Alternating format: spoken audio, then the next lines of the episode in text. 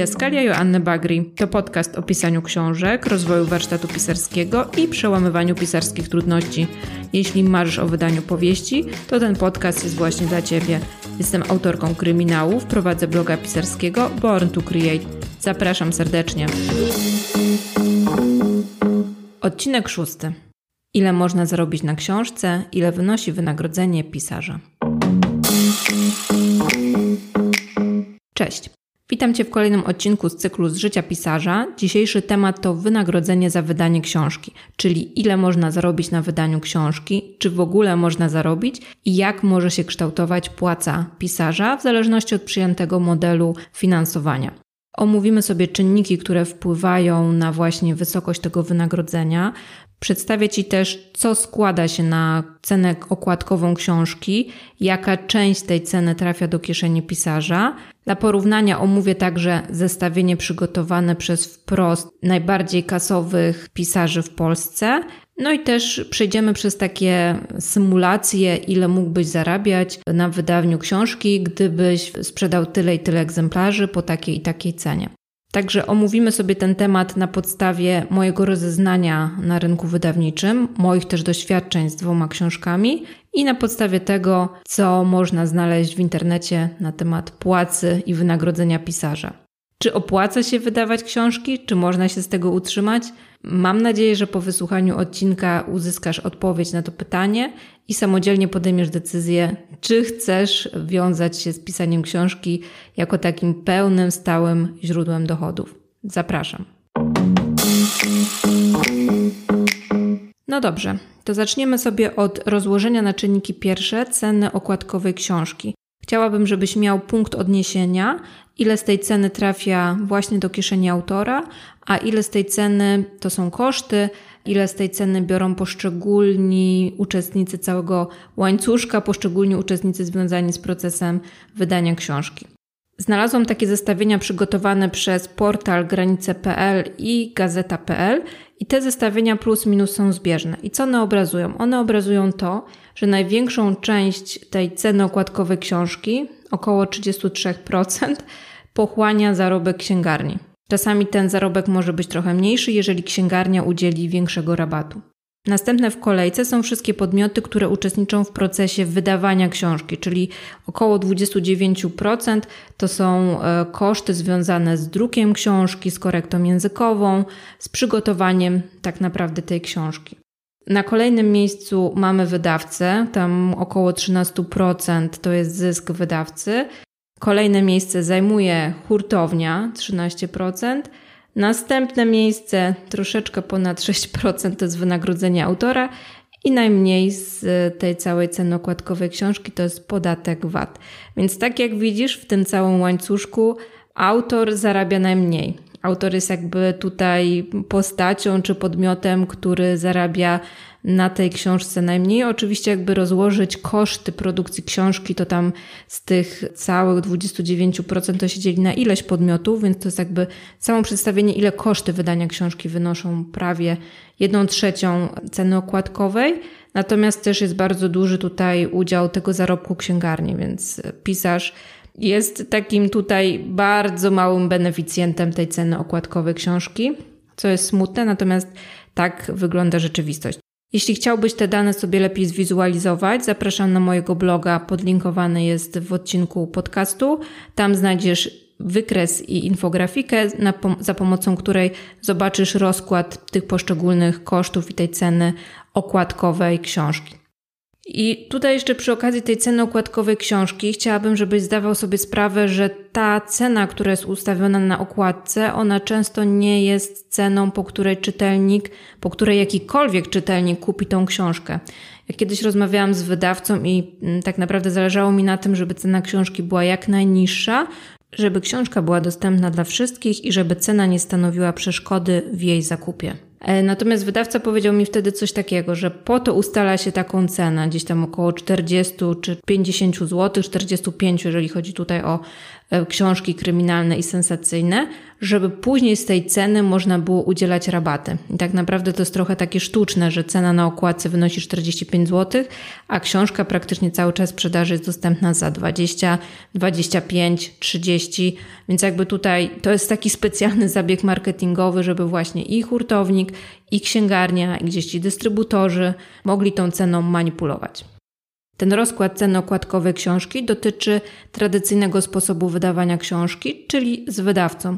Natomiast jeżeli zdecydujesz się na wydanie książki w modelu self-publishingowym, tutaj uda Ci się zlikwidować pewnych pośredników czy pewnych uczestników w procesie wydawania książki. Całkowicie można zminimalizować albo zmarginalizować rolę wydawcy. Można też wyeliminować hurtownię albo księgarnię, jeżeli będziesz samodzielnie sprzedawać książkę, więc wtedy ten rozkład kwot, które trafiają do kieszeni poszczególnych uczestników, będzie inny i jest szansa, że ty jako autor uzyskasz więcej z ceny okładkowej.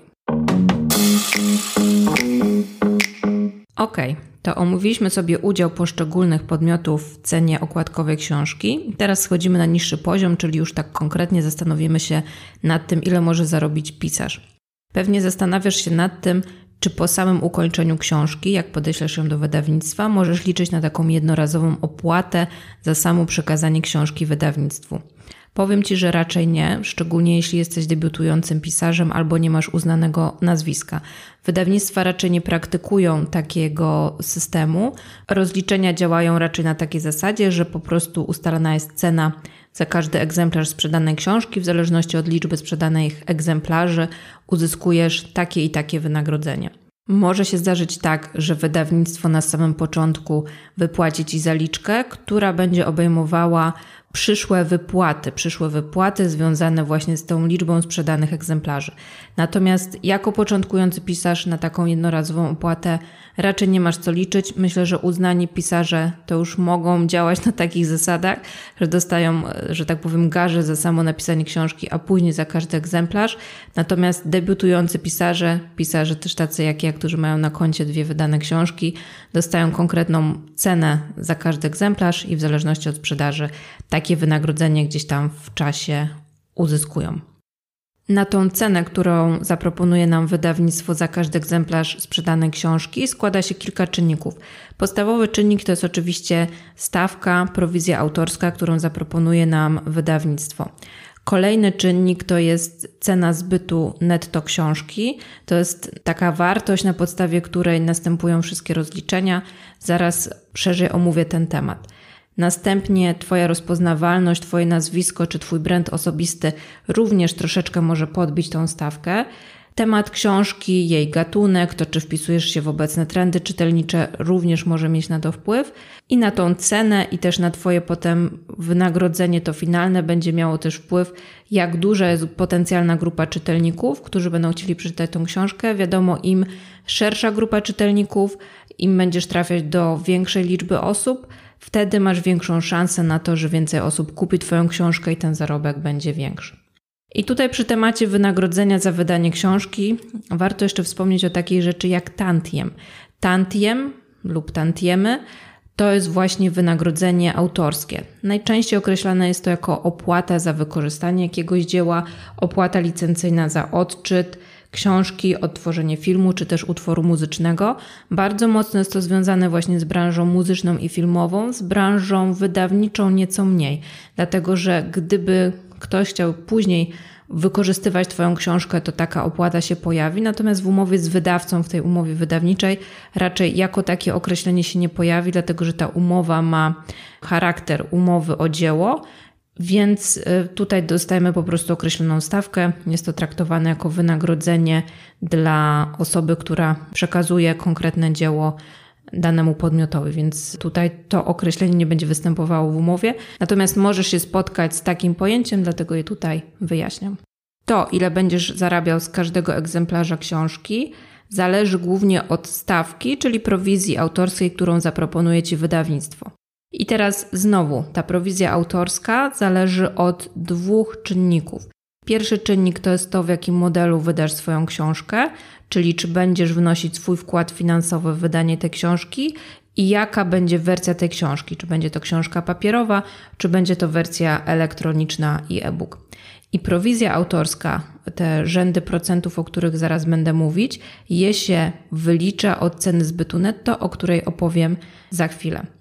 I teraz tak, jeżeli będziesz wydawać książkę w tradycyjnym modelu, czyli 100% kosztów ponosi wydawca, w przypadku wydania papierowego możesz liczyć od 10 do 15%. Takie prowizje są zwykle proponowane autorom. W przypadku e-booków jest to od 20 do 30%. Modelu współfinansowania, w zależności od tego, jaki będzie Twój wkład w koszty wydania książki, możesz liczyć na prowizję autorską wynoszącą do 30%, natomiast przypadku e-booków tutaj mamy do 50% tej ceny zbytu netto. I ostatni model, czyli self-publishing, tutaj ta prowizja może wynosić nawet do 100% w obu wersjach książki, dlatego że tak naprawdę w self-publishingu ty pokrywasz koszty wydania książki i w zależności właśnie od tego, jakiego sobie wybierzesz dystrybutora, czy jaką właśnie firmę, która realizuje ten self-publishing, to na taką prowizję możesz liczyć. Oczywiście im bardziej uznany autor, tym może liczyć na lepszą tą właśnie prowizję autorską. I oczywiście też jeżeli wydawnictwo długo współpracuje z danym autorem, wie jak wygląda sprzedaż książek tego autora, jak też autor się angażuje, jeżeli chodzi o promocję książki, jakieś takie działania marketingowe, to też ta prowizja autorska może być wyższa. Możesz też spróbować negocjować zaproponowaną prowizję jeżeli jesteś debiutantem, raczej nie uda ci się nic ugrać, ale jeżeli jesteś odważny na takie działania i lubisz negocjować, to czemu by tego nie spróbować?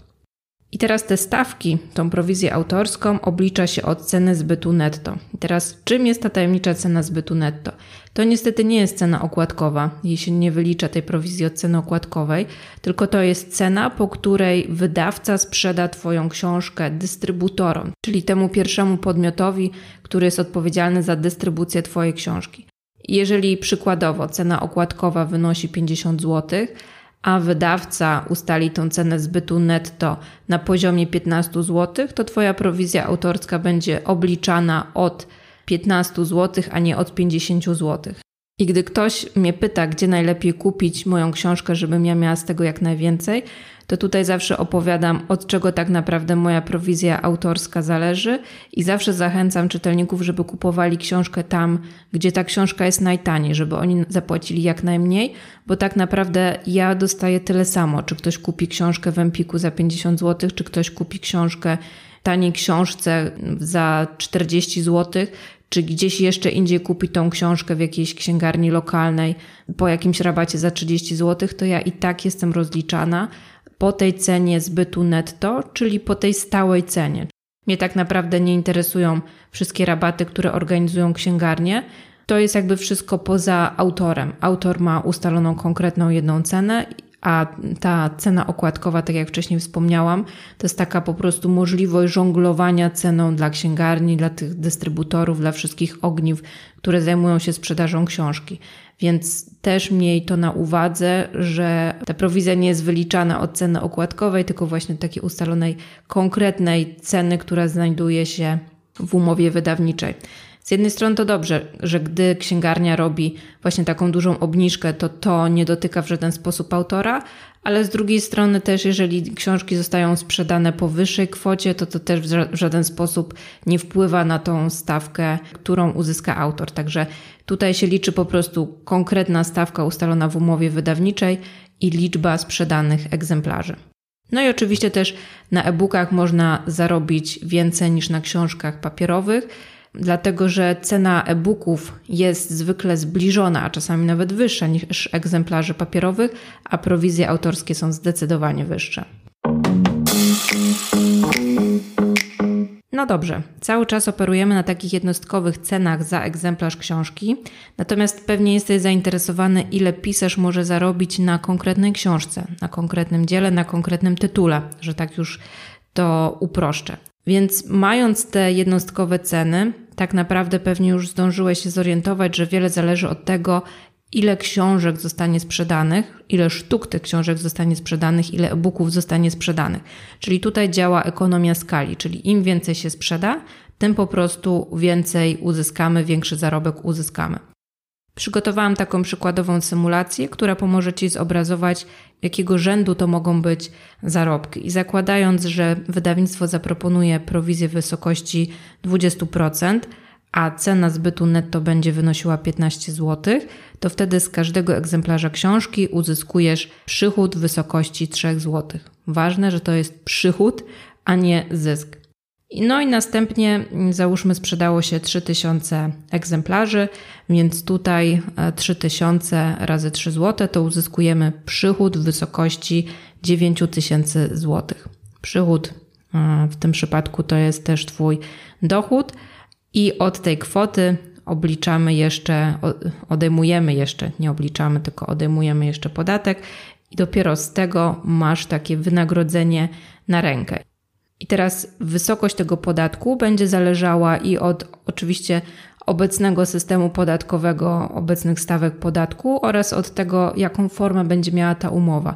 Jeżeli to będzie umowa o dzieło, to wtedy Tutaj mamy 50% koszty uzyskania przychodu, dlatego że mamy przekazanie tych praw autorskich. Chyba, że nie ma przekazania praw autorskich, to mamy wtedy 20% koszty uzyskania przychodu. Natomiast jeżeli są te 50%, to ten nasz dochód dzielimy na pół i z tej jednej połowy sobie wyliczamy podatek. Obecnie stawka podatku po tym drugim nowym ładzie to jest 12%, więc w tym przykładzie, w tym przypadku zapłaciłbyś 540 zł podatku, więc na czysto zostałoby Ci 8460 zł. Wynagrodzenia za te 3000 sprzedanych sztuk. I teraz, czy to dużo, czy to mało? Oczywiście zależy, w jakim czasie sprzedałoby się to 3000 sztuk. Czy to by było w przedziale miesiąca, no to super, bardzo fajny zarobek, zarobić tyle miesięcznie. Natomiast gdyby tyle sprzedało się w przeciągu roku, jak to sobie podzielisz na 12 miesięcy, no to wyjdzie trochę taka kicha, więc jakby tutaj wszystko zależy od tego, jak szybko zostanie sprzedane te 3000 egzemplarzy, w jakim czasie i później kiedy dostaniesz właśnie wynagrodzenie. Czyli tak jak widzisz na powyższym przykładzie, tutaj stałym takim elementem wynagrodzenia pisarza jest ta prowizja autorska, natomiast później wszystko zależy od liczby sprzedanych egzemplarzy. Im więcej się sprzeda tych egzemplarzy, tym więcej jesteś w stanie zarobić ze swojej książki. Ile się sprzeda tych egzemplarzy? Takich statystyk natomiast nie ma. Ciężko to powiedzieć, ile tych książek się sprzeda, czy w ogóle ta inwestycja w jakiś sposób tobie i wydawnictwu się zwróci. To jest bardzo ciężko szacować wydawnictwa, proponując właśnie stawkę za każdy egzemplarz książki oraz proponując też model wydania książki, w jaki sposób są to w stanie oszacować. Mm, nie dzielą się za bardzo takimi informacjami, także tak to po prostu wygląda. I teraz, czy zarobki debiutującego pisarza jakoś odbiegają od tej symulacji? Powiedziałabym, że raczej nie. Debiutujący pisarz po prostu musi się liczyć z tym, że ta prowizja autorska będzie raczej niższa, czyli przy tej dolnej granicy, czyli gdzieś koło 10, 12%, 15% to będzie już super. Więc na takie stawki musisz się liczyć, że to będzie raczej taki standard. Oczywiście przy e-bookach ta stawka będzie wyższa. No i oczywiście też, jeżeli będziesz ponosić jakieś koszty finansowe, wtedy też te stawki wydawca powinien zaproponować ci wyższe. Ja, jako debiutujący pisarz ze swoją książką Oddech Śmierci, tutaj mogę podzielić się pewnymi swoimi doświadczeniami w zakresie właśnie tego wynagrodzenia, jakie uzyskałam, albo raczej też jakiego nie do końca uzyskałam, bo tutaj mój wkład finansowy to było 3000 zł. Ten model współfinansowania tyle wynosił i wydawca najpierw wydał 500 egzemplarzy, potem zrobił dodruk 600 egzemplarzy. Sprzedała się gdzieś około połowa z tych, tych 1100 egzemplarzy i to tak naprawdę nie pozwoliło mi na spłacenie tej mojej inwestycji, tego mojego wkładu finansowego. Także mi to w ogóle się nie opłaciło pod kątem finansowym, pod kątem takim rozpoznawalności marki, znalezienia drugiego wydawcy to się opłaciło, natomiast pod kątem finansowym nie, więc e, jako początkujący pisarz raczej nie masz się co nastawiać na jakieś super zarobki z wydania książki. Pewnie jesteś ciekawy, ile zarabiają polscy pisarze, ci uznani pisarze. No tutaj znowu nie mamy dostępu do takich pełnych, wiarygodnych danych. W przypadku też zawierania umowy wydawniczej, tutaj i autor, i wydawnictwo jest objęte tą tajemnicą współpracy. Natomiast na podstawie właśnie takiego rozeznania rynku wydawniczego, na, na podstawie tego, jak kształtują się te ceny okładkowe i, i właśnie liczby sprzedanych egzemplarzy, wprost przygotowało takie zestawienie top 10 najlepiej zarabiających pisarzy w Polsce. Tą tabelkę znajdziesz też u mnie na blogu. Spróbuję w sposób taki obrazowy przedstawić Ci, jakie to mogą być rzędy, jakich wartości zarobków.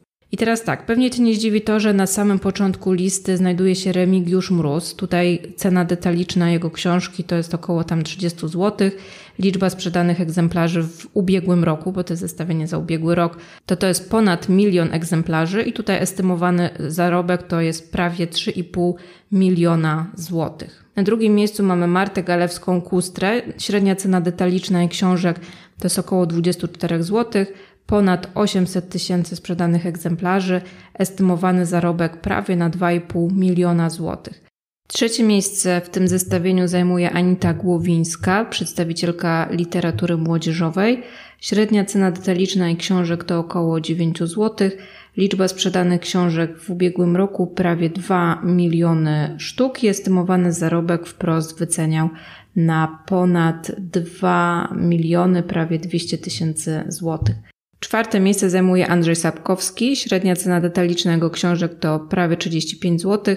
W tamtym roku sprzedało się ponad 493 tysiące książek i tutaj estymowany zarobek oszacowany na ponad 2 miliony złotych. Kolejne miejsce należy do Natalii de Barbaro. Mm, to jest tematyka z zakresu poradnictwa psychologii. Książki kosztują średnio 30 zł, liczba sprzedanych egzemplarzy prawie 386 tysięcy sztuk, jest mowany zarobek 1 356 tysięcy, ponad 1 356 tysięcy złotych. Szóste miejsce zajmuje Olga Tokarczuk. Średnia cena książek pani Olgi to jest około 36 zł. W ubiegłym roku sprzedało się ponad 180 tysięcy książek, estymowany zarobek 770 tysięcy złotych. Następne miejsce zajmuje Justyna Bednarek, przedstawicielka literatury młodzieżowej i dziecięcej. Liczba sprzedanych książek w ubiegłym roku to prawie 241 tysięcy, szacowany zarobek 745 tysięcy złotych, ponad 745 tysięcy złotych. Ósme miejsce należy do Aubeny Grabowskiej. Tutaj mamy średnią cenę detaliczną prawie 35 zł. W ubiegłym roku sprzedało się 158 tysięcy książek, estymowany zarobek na ponad 656 tysięcy złotych. Dziewiąte miejsce, przedostatnie w tym rankingu zajmuje Katarzyna Bonda, oczywiście przedstawicielka kryminału, sensacji i thrillerów. Średnia cena około 30 zł, sprzedanych egzemplarzy w ubiegłym roku 167 tysięcy i estymowany zarobek 612,5 tysiąca złotych. I ostatnie miejsce w tym zestawieniu zajmuje Rafał Kosik, przedstawiciel literatury młodzieżowej, sprzedanych egzemplarzy prawie 160 tysięcy sztuk w ubiegłym roku i szacowany zarobek 571 tysięcy złotych. I cóż wynika z tego zestawienia? Z tego zestawienia wynika taka pierwsza rzecz, że najlepiej pisać kryminały albo literaturę młodzieżową, dziecięcą, bądź fantastykę, jeżeli chcemy zarabiać dużo na książkach, bo autorzy właśnie tych gatunków przeważają w tym zestawieniu. I druga taka rzecz, która tutaj nasuwa się, to jest to, że jeżeli mamy w portfolio wiele wydanych książek, takie jak Pan Mróz, to wtedy po prostu nasze zarobki roczne z tych różnych książek, czyli tak naprawdę z różnych naszych projektów, są wyższe niż gdy mamy tylko wydaną jedną czy dwie pozycje. No bo oczywiście tutaj te zarobki z poszczególnych książek się sumują i dlatego też pewnie Pan Mróz tutaj zdobył pierwsze miejsce w tym zestawieniu. Bardzo dużo pozycji pan Mróz już napisał, wydał.